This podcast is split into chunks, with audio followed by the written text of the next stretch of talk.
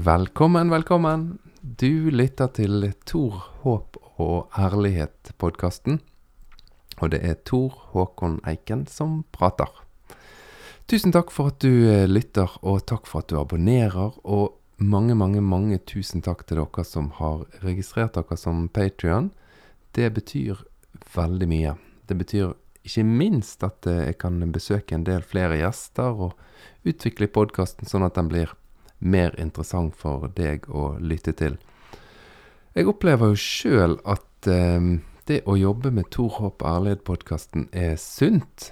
Det handler jo mye om hvordan kan den kristne troen se ut i vår tid? For den har jo alltid forandret seg. Om du går tilbake til eh, Tidligere på 1900-tallet så ser den kristne troen ganske annerledes ut enn han gjør i dag. Og går du tilbake til 1700-tallet, ser han veldig annerledes ut. Går du tilbake til 1500-tallet, ser han enda mer annerledes ut. En religion og en tro, den er nødt til å endre seg. Hele tiden. Og det gjør han, og det er sunt. Fordi at eh, samfunnet utvikler seg, kommunikasjonen endrer seg. Vi føler jo ofte at verden rett og slett har blitt mindre. Det er klart det er annerledes å forholde seg til de hellige tekstene i dag, når de fleste mennesker har kontakt med folk fra andre siden av kloden på nett eh, nesten daglig, og kanskje oftere enn bare daglig, mange ganger om dagen. Det er litt annerledes å forholde seg til dette her med at eh, Nei, de som ikke har tatt imot den kristne troen akkurat sånn som jeg har lært den her på Vestlandet, de kommer ikke til himmelen. Altså, det er litt annerledes å forholde seg til det når du faktisk kjenner mennesker som bor i Japan, og som aldri på noen måte kunne tenke seg å ta til seg vår kultur. For det, er jo sånn det har vært, da. Misjonen har vært blandet mellom kultur og tro og religion, og så har våres kultur vært den overlegne, så vi skulle lære alle andre til å leve etter vår kultur. Og det, det går ikke. Sånn fungerer ikke det lenger. Ting endrer seg, og takk og lov for det. Men i at ting endrer seg, så er det lett at vi glemmer de gode tingene også. Jeg har hørt det uttrykket om å kaste barnet ut med badevannet. Det er jo litt eh, drøy, drøyt bilde, men du skjønner, det er noe Når du skal tømme ut dette badevannet, så er det greit at ikke babyen også er oppi det karet, eh, men at du tar vare på babyen og tømmer ut vannet.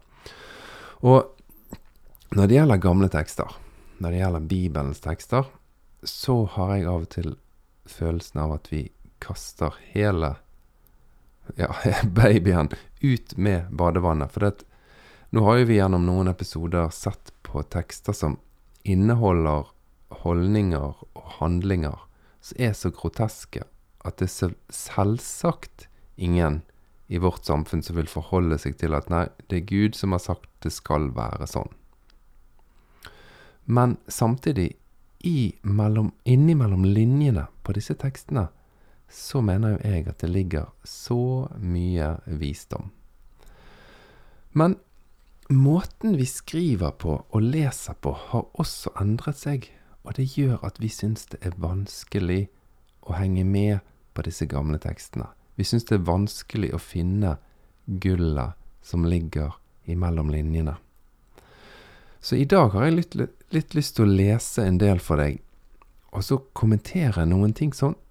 For jeg har fått noen spørsmål om hvordan i all verden kommer du frem til det du skriver, eller det du sier, og det du har skrevet i boken din, hvordan vet du at det er rett? Uh, og da har jeg veldig lyst til å svare at nei, men jeg vet jo ikke om det er rett. Det er det som er så fint, det er det som er så spennende med hellige tekster.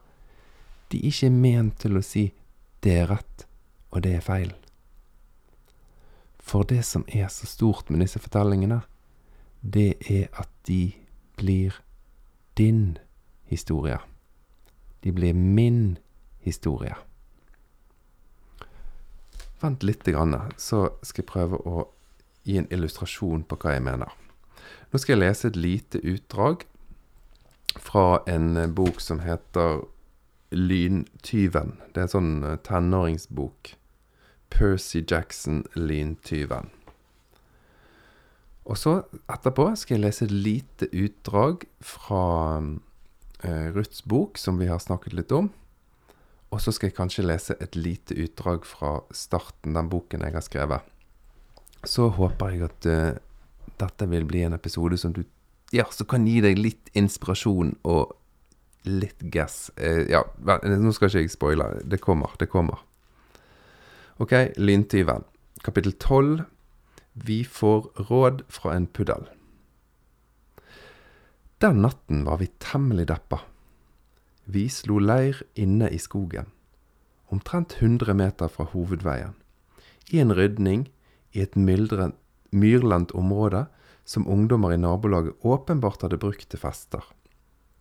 Bakken var bestrødd med flattrampede bruskorker og fastfood-begre.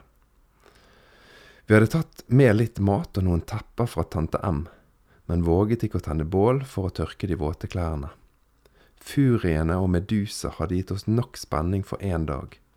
Vi hadde ikke lyst til å tiltrekke oss noen flere monstre. Derfor besluttet vi å sove på skift. Jeg meldte meg frivillig til å ta første tørn. Annabeth krøllet seg sammen på teppet og begynte å snorke med det samme hun la hodet mot bakken. Grover brukte ving vingeskoene til å flakse opp på den laveste greinen i et tre, la hodet mot stammen og stirret på nattehimmelen. Få deg litt søvn nå, sa jeg. Jeg skal vekke deg hvis det skjer noe. Han nikket, men lukket likevel ikke øynene. Det gjør meg så trist, Percy. Hva da? At du har blitt med på dette idiotiske oppdraget. Så stopper vi der. Og så klikker jeg inn på Ruths bok. Og så skal jeg lese noen linjer fra åpningen av Ruths bok. I de dager da dommerne styrte, ble det en gang hungersnød i landet.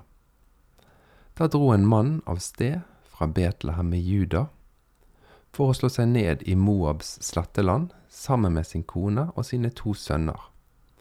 Mannen het Elimelek, hans kone Noomi og de to sønnene Malon og Kiljon. De var av Efrat-slekten, fra Betlehem i Juda. Nå kom de til Moab og slo seg til der. Så døde Elimelek, Nomis mann, og hun satt igjen med de to sønnene sine. De tok seg moabittiske koner. Den ene het Orpa, den andre het Ruth. De ble boende der i omtrent ti år. Så døde også de to sønnene, Malon og Kiljon, og Nomi satt igjen alene, uten sønner og uten mann. Da brøt hun opp sammen med svigerdøtrene sine for å vende hjem fra Moabs sletteland, for hun hadde hørt i Moab at Herren hadde tatt seg av sitt folk og gitt det brød. Hun dro bort fra stedet hvor hun hadde bodd, og begge svigerdøtrene fulgte henne. Ja. La du merke til noen svært ulike hva si, trekk ved disse to tekstene som jeg leste til deg nå? I det utdraget fra den uh, Percy Jackson, Lyntyven-boken, så var handlingen som jeg leste da, omtrent ja, kanskje ti minutter. Altså, historien utspant seg i løpet av noen minutter, maks en halvtime. Og det var kommentarer rundt følelser, det var dialog, eh, det var litt beskrivelser av korker og ting som lå på myren, så det var tydelig at det var et ungdomsfester der. Men når jeg leser fra Bibelen, fra Ruths bok. Så på de syv første versene så har vi gått igjennom en historie som kanskje er 20 år. Og det er veldig typisk. Det er nesten ingen beskrivelser. Det er nesten ingen fortelling om følelser. Det er nesten ingen sånne direkte forklaringer på hva du skal tenke når du leser dette. Hvis du hadde lest neste side av den Percy Jackson, så, så fortsetter den dialogen som vi leste starten av. Og da kommer liksom hele poenget. Sant? Han, han ene var trist for at han Når han så på dette her. Og så forklarer han hvorfor han er trist. Eh, og det er nemlig at folk har kastet søppel på, på bakken der, og at en har forurenset sånn at himmelen ikke er synlig lenger.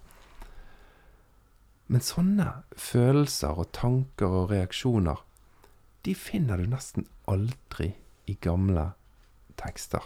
De tekstene som er blitt de hellige tekstene. De tekstene som har fulgt oss i noen tusen år. Og jeg tror at det er veldig bra. Fordi at når disse fortellingene ble til, så ble de til i fellesskap. Og de er sånn at hver eneste fortelling, det kan bli din fortelling. Det er ikke sånn at det fins et fasitsvar på hva denne fortellingen bor, betyr innledningen her av Ruths bok så leser du om et ektepar som bor i et land som egentlig er et land som heter Brødlandet, byen, der det er masse mat. Men de opplever hungersnød og å flytte. Den fortellingen kunne helt sikkert de første som leste den, kjenne seg igjen i. Disse veldig usikre forholdene, hvordan ting svingte etter hvordan været var. Det er ting som vi nordmenn ikke nå kan tenke oss inn i. Men dette kan allikevel være din historie.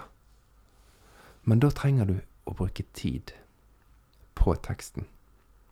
Hvis du leser den på samme måte som du ville lest Lyntyven, du bare kjører igjennom, så serverer forfatteren alle følelser, alle tanker, ikke alle da, men veldig mange tanker, og til og med tolkningene av hvorfor følelsene hos de enkelte personene er som de er.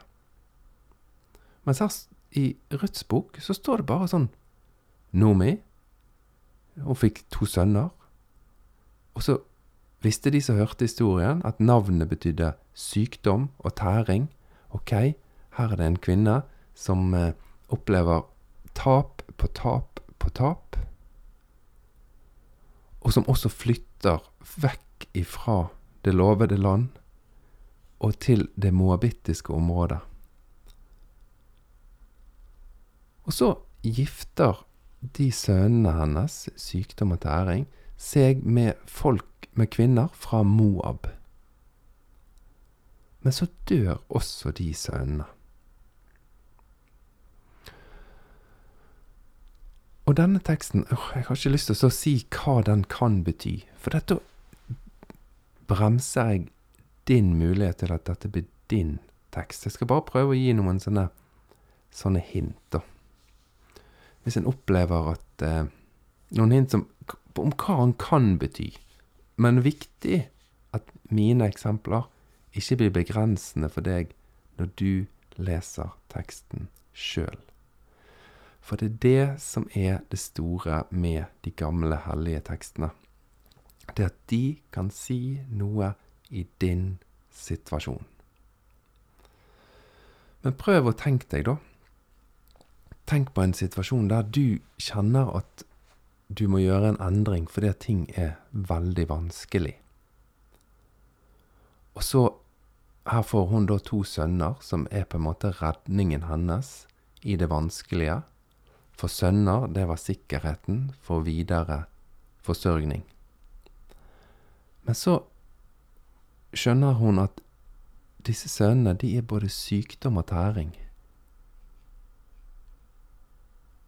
Denne forsikringen, denne forsørgningen, denne trøsten, denne støtten, dette livsoppholdet, det er faktisk sykdom og tæring. Pest og kolera, ville vi sagt på norsk.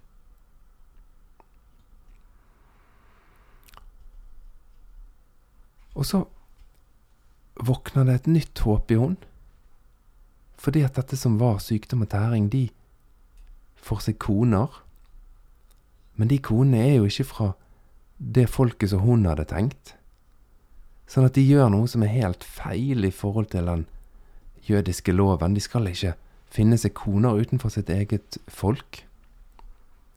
Og så dør sønnene, og så sitter hun igjen med to innvandrerjenter som hun i utgangspunktet hadde lært i sin oppvekst at de skulle ikke ha noen ting med å gjøre.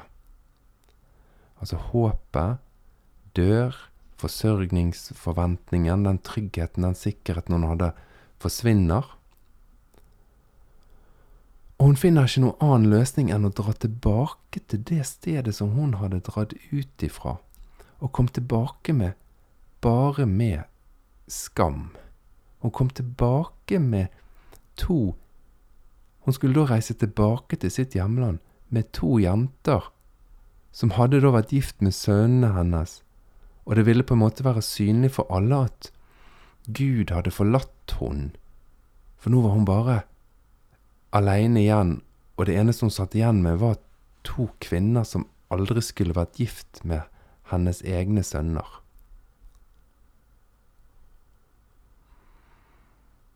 Og så er det, når du leser en sånn fortelling, så kan den fortellingen, hvis du bruker litt tid, så kan den vekke tanker om din egen situasjon. Da kan den vekke tanker om ting som har vært en sånn sikkerhet i ditt liv.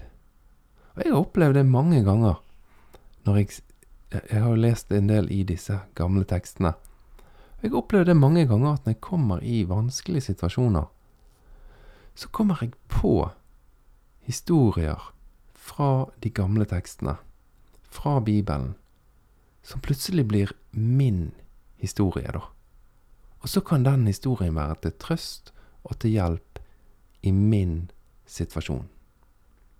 For, for Percy Jackson, boken, det er forfatteren sin fortelling, og du får lov å komme med inn i forfatteren sin historie.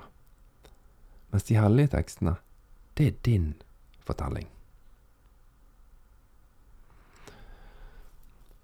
Som sagt så ønsker jeg ikke på en måte å gi detaljer på hvordan jeg vil oppleve denne teksten, og hvordan jeg har opplevd den.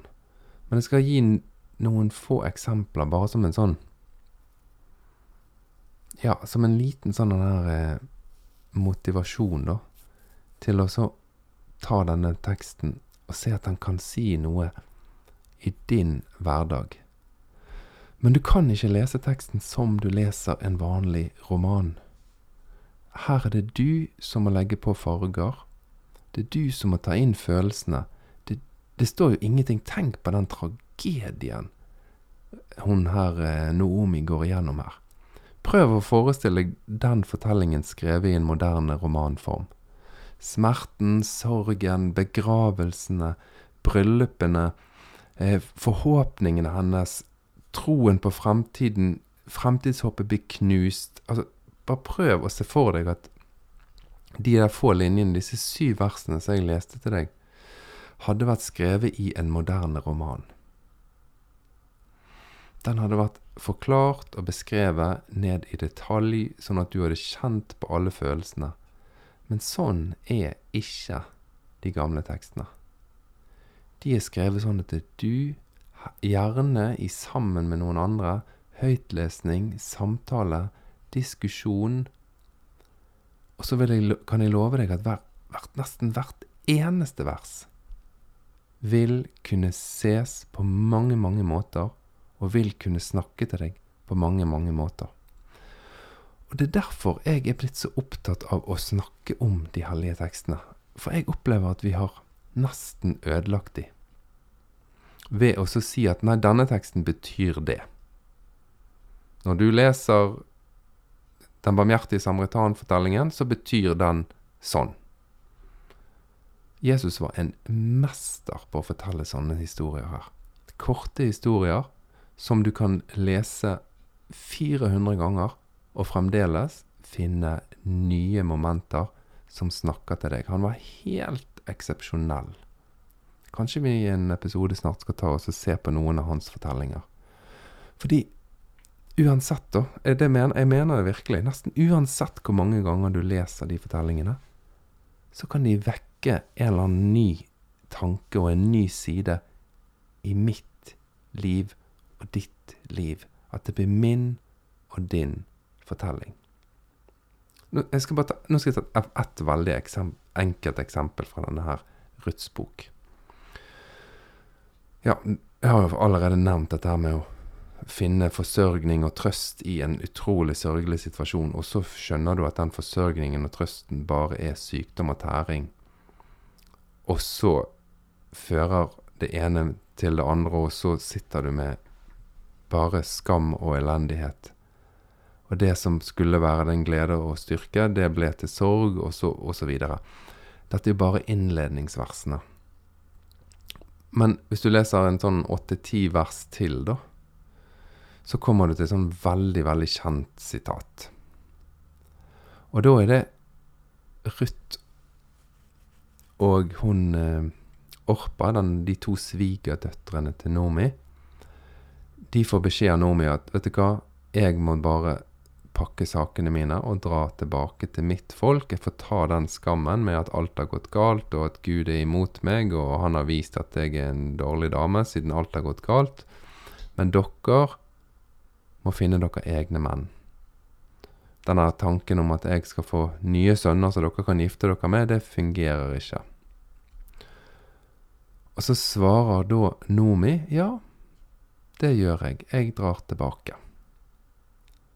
Og jeg har vært vant med å lære at denne teksten lærer oss at noen mennesker er trofast, og de er med på arbeidet, og de er med i visjonen og med på alt som skjer, mens andre bare går sin egen vei. Men så satt jeg og leste på denne teksten, og så skjønte jeg plutselig Nei, denne teksten sier ikke at Orpa sitt valg var feil. Det sier bare at hennes valg var annerledes enn Ruth sitt. Orpa gjorde ikke noe galt.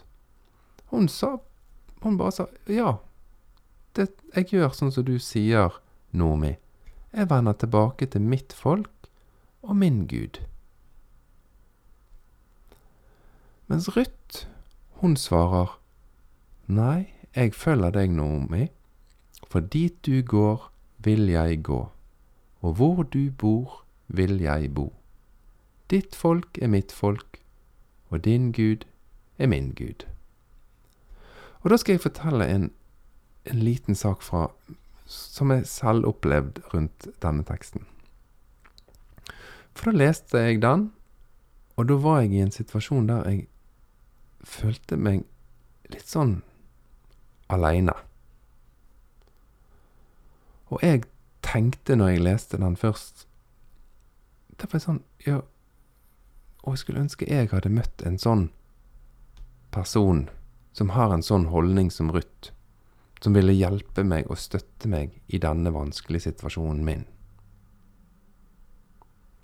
Og så tenkte jeg på denne her Hvordan det var løftet opp, denne her, dette vennskapet der noen venner bare går med hverandre, koste hva det koste vil. Det er jo veldig sånn flott og det, det, er virkelig sånn inspirasjon rundt trofasthet. Men når jeg gikk og tenkte på den fortellingen, så gikk det opp for meg at Ja, men Tor, hvorfor går du og venter på at noen andre skal være den Ruth-personen, den støttepersonen? De hellige tekstene gir mest mening hvis jeg ikke tenker at den skal gjelde noen andre. Det er i hvert fall Jeg har ikke noe bevis på det, men det har jeg i hvert fall erfart. De hellige tekstene gir mest mening hvis jeg lar de snakke til meg. Så da kjente jeg at Nei, Tor, du trenger også å endre en litt sånn tankegang på Ikke se etter andre som skal være sånne her støtter og gode mennesker som Dit du går, vil jeg gå. Nei, Snu på tanken, og la den heller bli en utfordring til at jeg skal være en sånn Ruth-person. Og dette er veldig sånn typisk for hellige det har jeg merket. Når, hvis du begynner å jobbe, lese, jobbe med de da, og la disse tekstene leve litt med deg, så vil du merke at du veldig ofte vil tenke at ja, denne historien, den skulle Frank ha hørt, for han er så selvopptatt. Men da tror jeg du også vil kjenne at ah, disse tekstene gir lite mening. Men hvis du klarer å snu fokuset mot deg og la det bli din fortelling, så vil du se at tekstene gir deg ganske mye. Bare ta et sånt eksempel. Jeg nevnte så vidt i sted den barmhjertige samaritan-fortellingen. Det er en typisk sånn fortelling som blir brukt om at noen andre må forstå at de er egoister som ikke stopper og hjelper den mannen som ligger banket i veikanten. Men jeg kan love deg at hvis du setter deg ned med den barmhjertige samaritan-fortellingen, og leser den sakte, og så identifiserer du deg sjøl med de forskjellige personene som er omtalt der. At du f.eks. tenker nå skal jeg lese denne historien, og så skal jeg være den presten som bare går forbi, og som ikke hjelper til. Og så begynner du å tenke i hva situasjoner er jeg en sånn prest som bare går forbi? Og så kan du lese den en gang til, og så kan du tenke i hvilke situasjoner er jeg den som har fått bank og ligger i grøften og trenger hjelp? Og så kommer det en person forbi som jeg egentlig forakter noe helt vanvittig. En person som jeg syns bare er forferdelig. Og så er det den personen som hjelper meg. Hvordan er jeg når jeg tar imot hjelp fra mennesker som jeg ikke engang liker? Og har jeg noen gang gjort det? Og hva gjør det med min stolthet hvis den kollegaen som jeg misliker så sterkt, plutselig blir løsningen på en kjempeutfordring jeg står overfor. Hva skjer med mitt liv hvis det er disse her eh, folkene som jeg syns er så sprø og rare? Hva skjer med mitt liv hvis det er de som hjelper meg? For du vil merke at med en gang du begynner å lese, og bruke litt tid på de hellige tekstene, så vil du alltid tenke på noen andre. Og så vil du tenke at hm, ja, de der er så selvopptatt at de stopper ikke ved de som har fått bank, mens jeg er en sånn som hjelper de som har det vanskelig. Men så snur du teksten, så lar du teksten snakke til deg istedenfor at du skal være opptatt av at han snakker til noen andre. Da vil du skjønne at de hellige tekstene blir din fortelling som har noe å si til deg, og ikke til noen andre. Og når jeg leser teksten, så sier den noe til meg, og mitt liv og min situasjon og mine holdninger overfor min kone, mine barn, mine naboer, mine kollegaer. Og da er det plutselig et, et sånn Hva si Lys som treffer meg, og som sier Tor, den holdningen du har her, den er du faktisk nødt til å ta litt tak i. Og så Ja, denne kan du be om hjelp til å få endret. Og så vil du merke at de hellige tekstene er kloke, og at de sier noe til deg. Men du vil merke det at det tar Det er litt trening. Det er akkurat som de her musklene av å la fortellingene bli levende. Sette på farger og følelser og la fortellingen bli din fortelling. Det er akkurat som det er noen muskler som er litt svake, og så må du jobbe litt med musklene for at de skal bli sterkere. Og så etter hvert så blir flere og flere av de gamle fortellingene meningsfull for deg. Og dette er litt av bakgrunnen for denne Starten-boken. Den boken jeg har skrevet som er første boken i serien Summen er sannhet. Der prøver jeg å bare gi en gjenfortelling av første Mosebok men gjennom øynene på en engel som følger hele historien. Og den engelen, den stiller noen spørsmål og vurderer situasjonene litt, sånn at det skal kunne gi en liten fart til deg til å ville begynne å stille spørsmål, til å ville sette farger på fortellingene. Skal lese et lite utdrag for deg nå. For jeg syns det var utrolig utfordrende når jeg skulle skrive. For jeg hadde lyst til å skrive så masse. Jeg hadde lyst til å skrive masse eksempler og masse forklaring på hva de forskjellige historiene kunne si. Men så skjønte jeg at jo mer jeg skriver, jo mer begrenser jeg kraften i de gamle tekstene. For de gamle tekstene, de kan gjelde oss alle. Så nå skal jeg lese et lite utdrag fra en veldig kjent fortelling i Første Mosebok. Men jeg leser den fra starten, og så skjønner du kanskje hva jeg tenker. Det er fortellingen om når Abraham tar sønnen sin og binder han på et alter. En fortelling som har på en måte blitt Fasiten er Abraham viste at han var villig til å ofre sine barn. Punktum. Det er det denne fortellingen betyr. Men når den fortellingen får lov å vokse litt i deg, og får lov å få litt farger, og får lov å få litt skygger, og får lov å få litt følelser, så kan det hende at den betyr ganske mye annet. Men igjen, ikke prøv å få den til å bety noe annet for noen andre. Den kan bety noe for deg.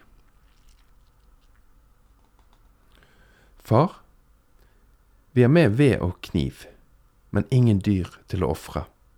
Hva er det vi skal? Skaperen vil selv gi oss noe å ofre i dag.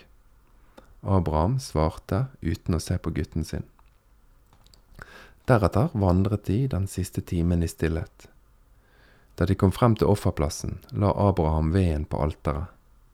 Deretter snudde han seg mot Isak og ba han strekke frem hendene. Gutten så spørrende på faren, men strakk fram armene. Hans tillit til faren var stor.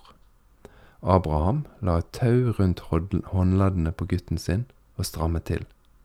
Så knyttet han en solid knute, slik at hendene til sønnen hans var ubevegelige. Hva er det du gjør? Isak begynte å rope. Svar meg, far! Uten å gi svar fortsatte den gamle mannen å binde bena til Isak sammen. Gutten gjorde motstand, men med hendene bundet var det ikke så mye han kunne gjøre, bortsett fra å rope om nåde. Han forsøkte å sparke og vri seg løs, men faren løftet han opp på veden og bandt han fast til alteret. Mikael presset seg inn mot Abrahams bryst og hode. Han måtte klare å påvirke samvittigheten. Dette var så galt. Alle visste at andre stammer og grupper ofret sine barn til gudebilder. De lot sine barn gå gjennom ilden for Molok og utførte også andre avskyelige handlinger, handlinger. Men skaperen hadde aldri bedt om noe slikt. Snarere tvert imot. De hadde forbudt det. Men Abraham lot seg ikke påvirke. Han fortsatte som om han ikke hørte guttens rop om nåde. Far, jeg elsker deg, og du har alltid sagt at du elsker meg. Hvordan kan du gjøre dette? Abraham svarte ingenting. Hadde han mistet forstanden og hørselen? Var det Lucifer som hadde klart å overliste han uten at Mikael hadde skjønt hva som skjedde? Kanskje dette var en del av en plan satt i scene av Mikaels gamle venn? På samme måte som han tidligere hadde fordreid menneskenes samvittighet, både i Sodoma og før den store flommen. Nå løftet Abraham kniven for å kjøre den gjennom sin egen sønn. Arvingen han hadde ventet på i så mange år, kom til å dø. Løftene, som omsider var blitt oppfylt, ble nå drept. Så kan du lese videre sjøl. Men jeg skal bare lese noen få linjer mot slutten av dette kapitlet, der Mikael tenker noen tanker. Etter opplevelsen på Moriafjellet måtte Mikael sitte lenge alene. Han satt på en liten stein, med knærne presset opp under haken. Hendene hadde han lagt på hodet. Hadde noen sett han, ville de trodd at han prøvde å gjøre seg så liten som mulig. Var det denne type tro og tillit skaperen hadde sett etter i alle disse generasjonene? Hadde han nå funnet en som var villig til å ofre det kjæreste han eide? Eller var det Abraham som hadde misforstått? Kanskje skaperen aldri hadde bedt Abraham om å ofre det kjæreste han eide? Kunne det være slik at Abraham blandet sammen skaperens vilje med tradisjoner fra sine for foreldres avguder? hadde skaperen benyttet anledningen til å understreke at menneskene aldri skulle komme med offer. Mikael visste at skaperen ikke ønsket noe offer. Og så kan vi stoppe der. Noen ganger så har jo disse tekstene blitt brukt til at vi skal vise oss som sånne veldig gode mennesker som er villige til å gjøre hva som helst for at Gud skal være fornøyd. Sånne tanker og fortellinger har jo ført til at eh, mennesker har sprengt seg sjøl for å gjøre Gud glad, for å drepe så mange fiender som mulig. Jeg ofrer mitt liv for at du, Gud, skal bli stor på denne jorden. Andre har forkastet sine barn, og for å vise at liksom, nei, jeg er fullt overgitt til Gud, så jeg står imot mine barn. Andre har skjøvet venner ut i kulden. Og så alt sammen bare for at vi skal vise oss veldig god og overgitt til en eller annen skaper.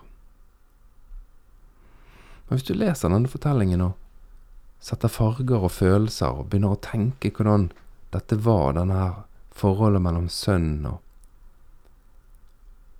og Abraham Og så prøver du kanskje å tenke litt på hvordan samfunnet rundt de var, og hvordan det var vanligere å ofre sine barn for å vise seg overgitt til gudene, at ingenting holder jeg tilbake, for jeg er så tøff, jeg er så overgitt. Så får du kanskje en sånn følelse av at mm, Kanskje skaperen aldri vil ha noe som helst offer. Kanskje det er den tilliten til at det finnes en kjærlighet som er større enn alt, som er med oss i alt. Kanskje det er det som er tro. Men nå skal jeg passe på at jeg ikke prøver å fortelle deg hva de hellige tekstene skal si til deg. Jeg vil kanskje si at uh, den barmhjertige samaritan-fortellingen, det er et godt sted å begynne. Les den veldig sakte, og tenk hvem er jeg? I hvilke situasjoner er jeg den personen? I hvilke situasjoner er jeg den personen? Og hva sier denne fortellingen til meg? Ikke tenk på hva han skal si til en eller annen Frp-politiker, eller til en eller annen SV-er som ikke har skjønt uh, virkeligheten, eller en eller annen sånn person som du er litt irritert på. Hvis du er veldig irritert på noen, så kan du heller bruke, sette de personene inn i den samaritanrollen, der de kommer og hjelper deg. Men igjen, nå holder jeg på å forklare hva du skal få ut av den fortellingen. Men det er de gamle fortellingene sin, sin styrke. Det at detaljer, følelser, farger og skygger ikke er med. For de skal vi tilsette sjøl. De skal vi tilsette i dialog med venner og kjente. Og så skal vi snakke sammen, og så skal vi tenke sammen, og så kan vi be sammen. Om hva sier denne fortellingen i mitt liv akkurat nå? I forhold til noen mennesker som er i nærheten av meg. Ikke i forhold til et menneske som bor på andre siden av kloden, og som jeg ikke kommer til å forholde meg til noen gang, og som jeg bare kan si 'Å, nei, det er så mange som kan hjelpe, men så jeg klarer ikke å hjelpe noen, så da bare sitter jeg her'. Nei, hva sier den fortellingen til meg og deg akkurat nå, i vår situasjon, i vårt liv?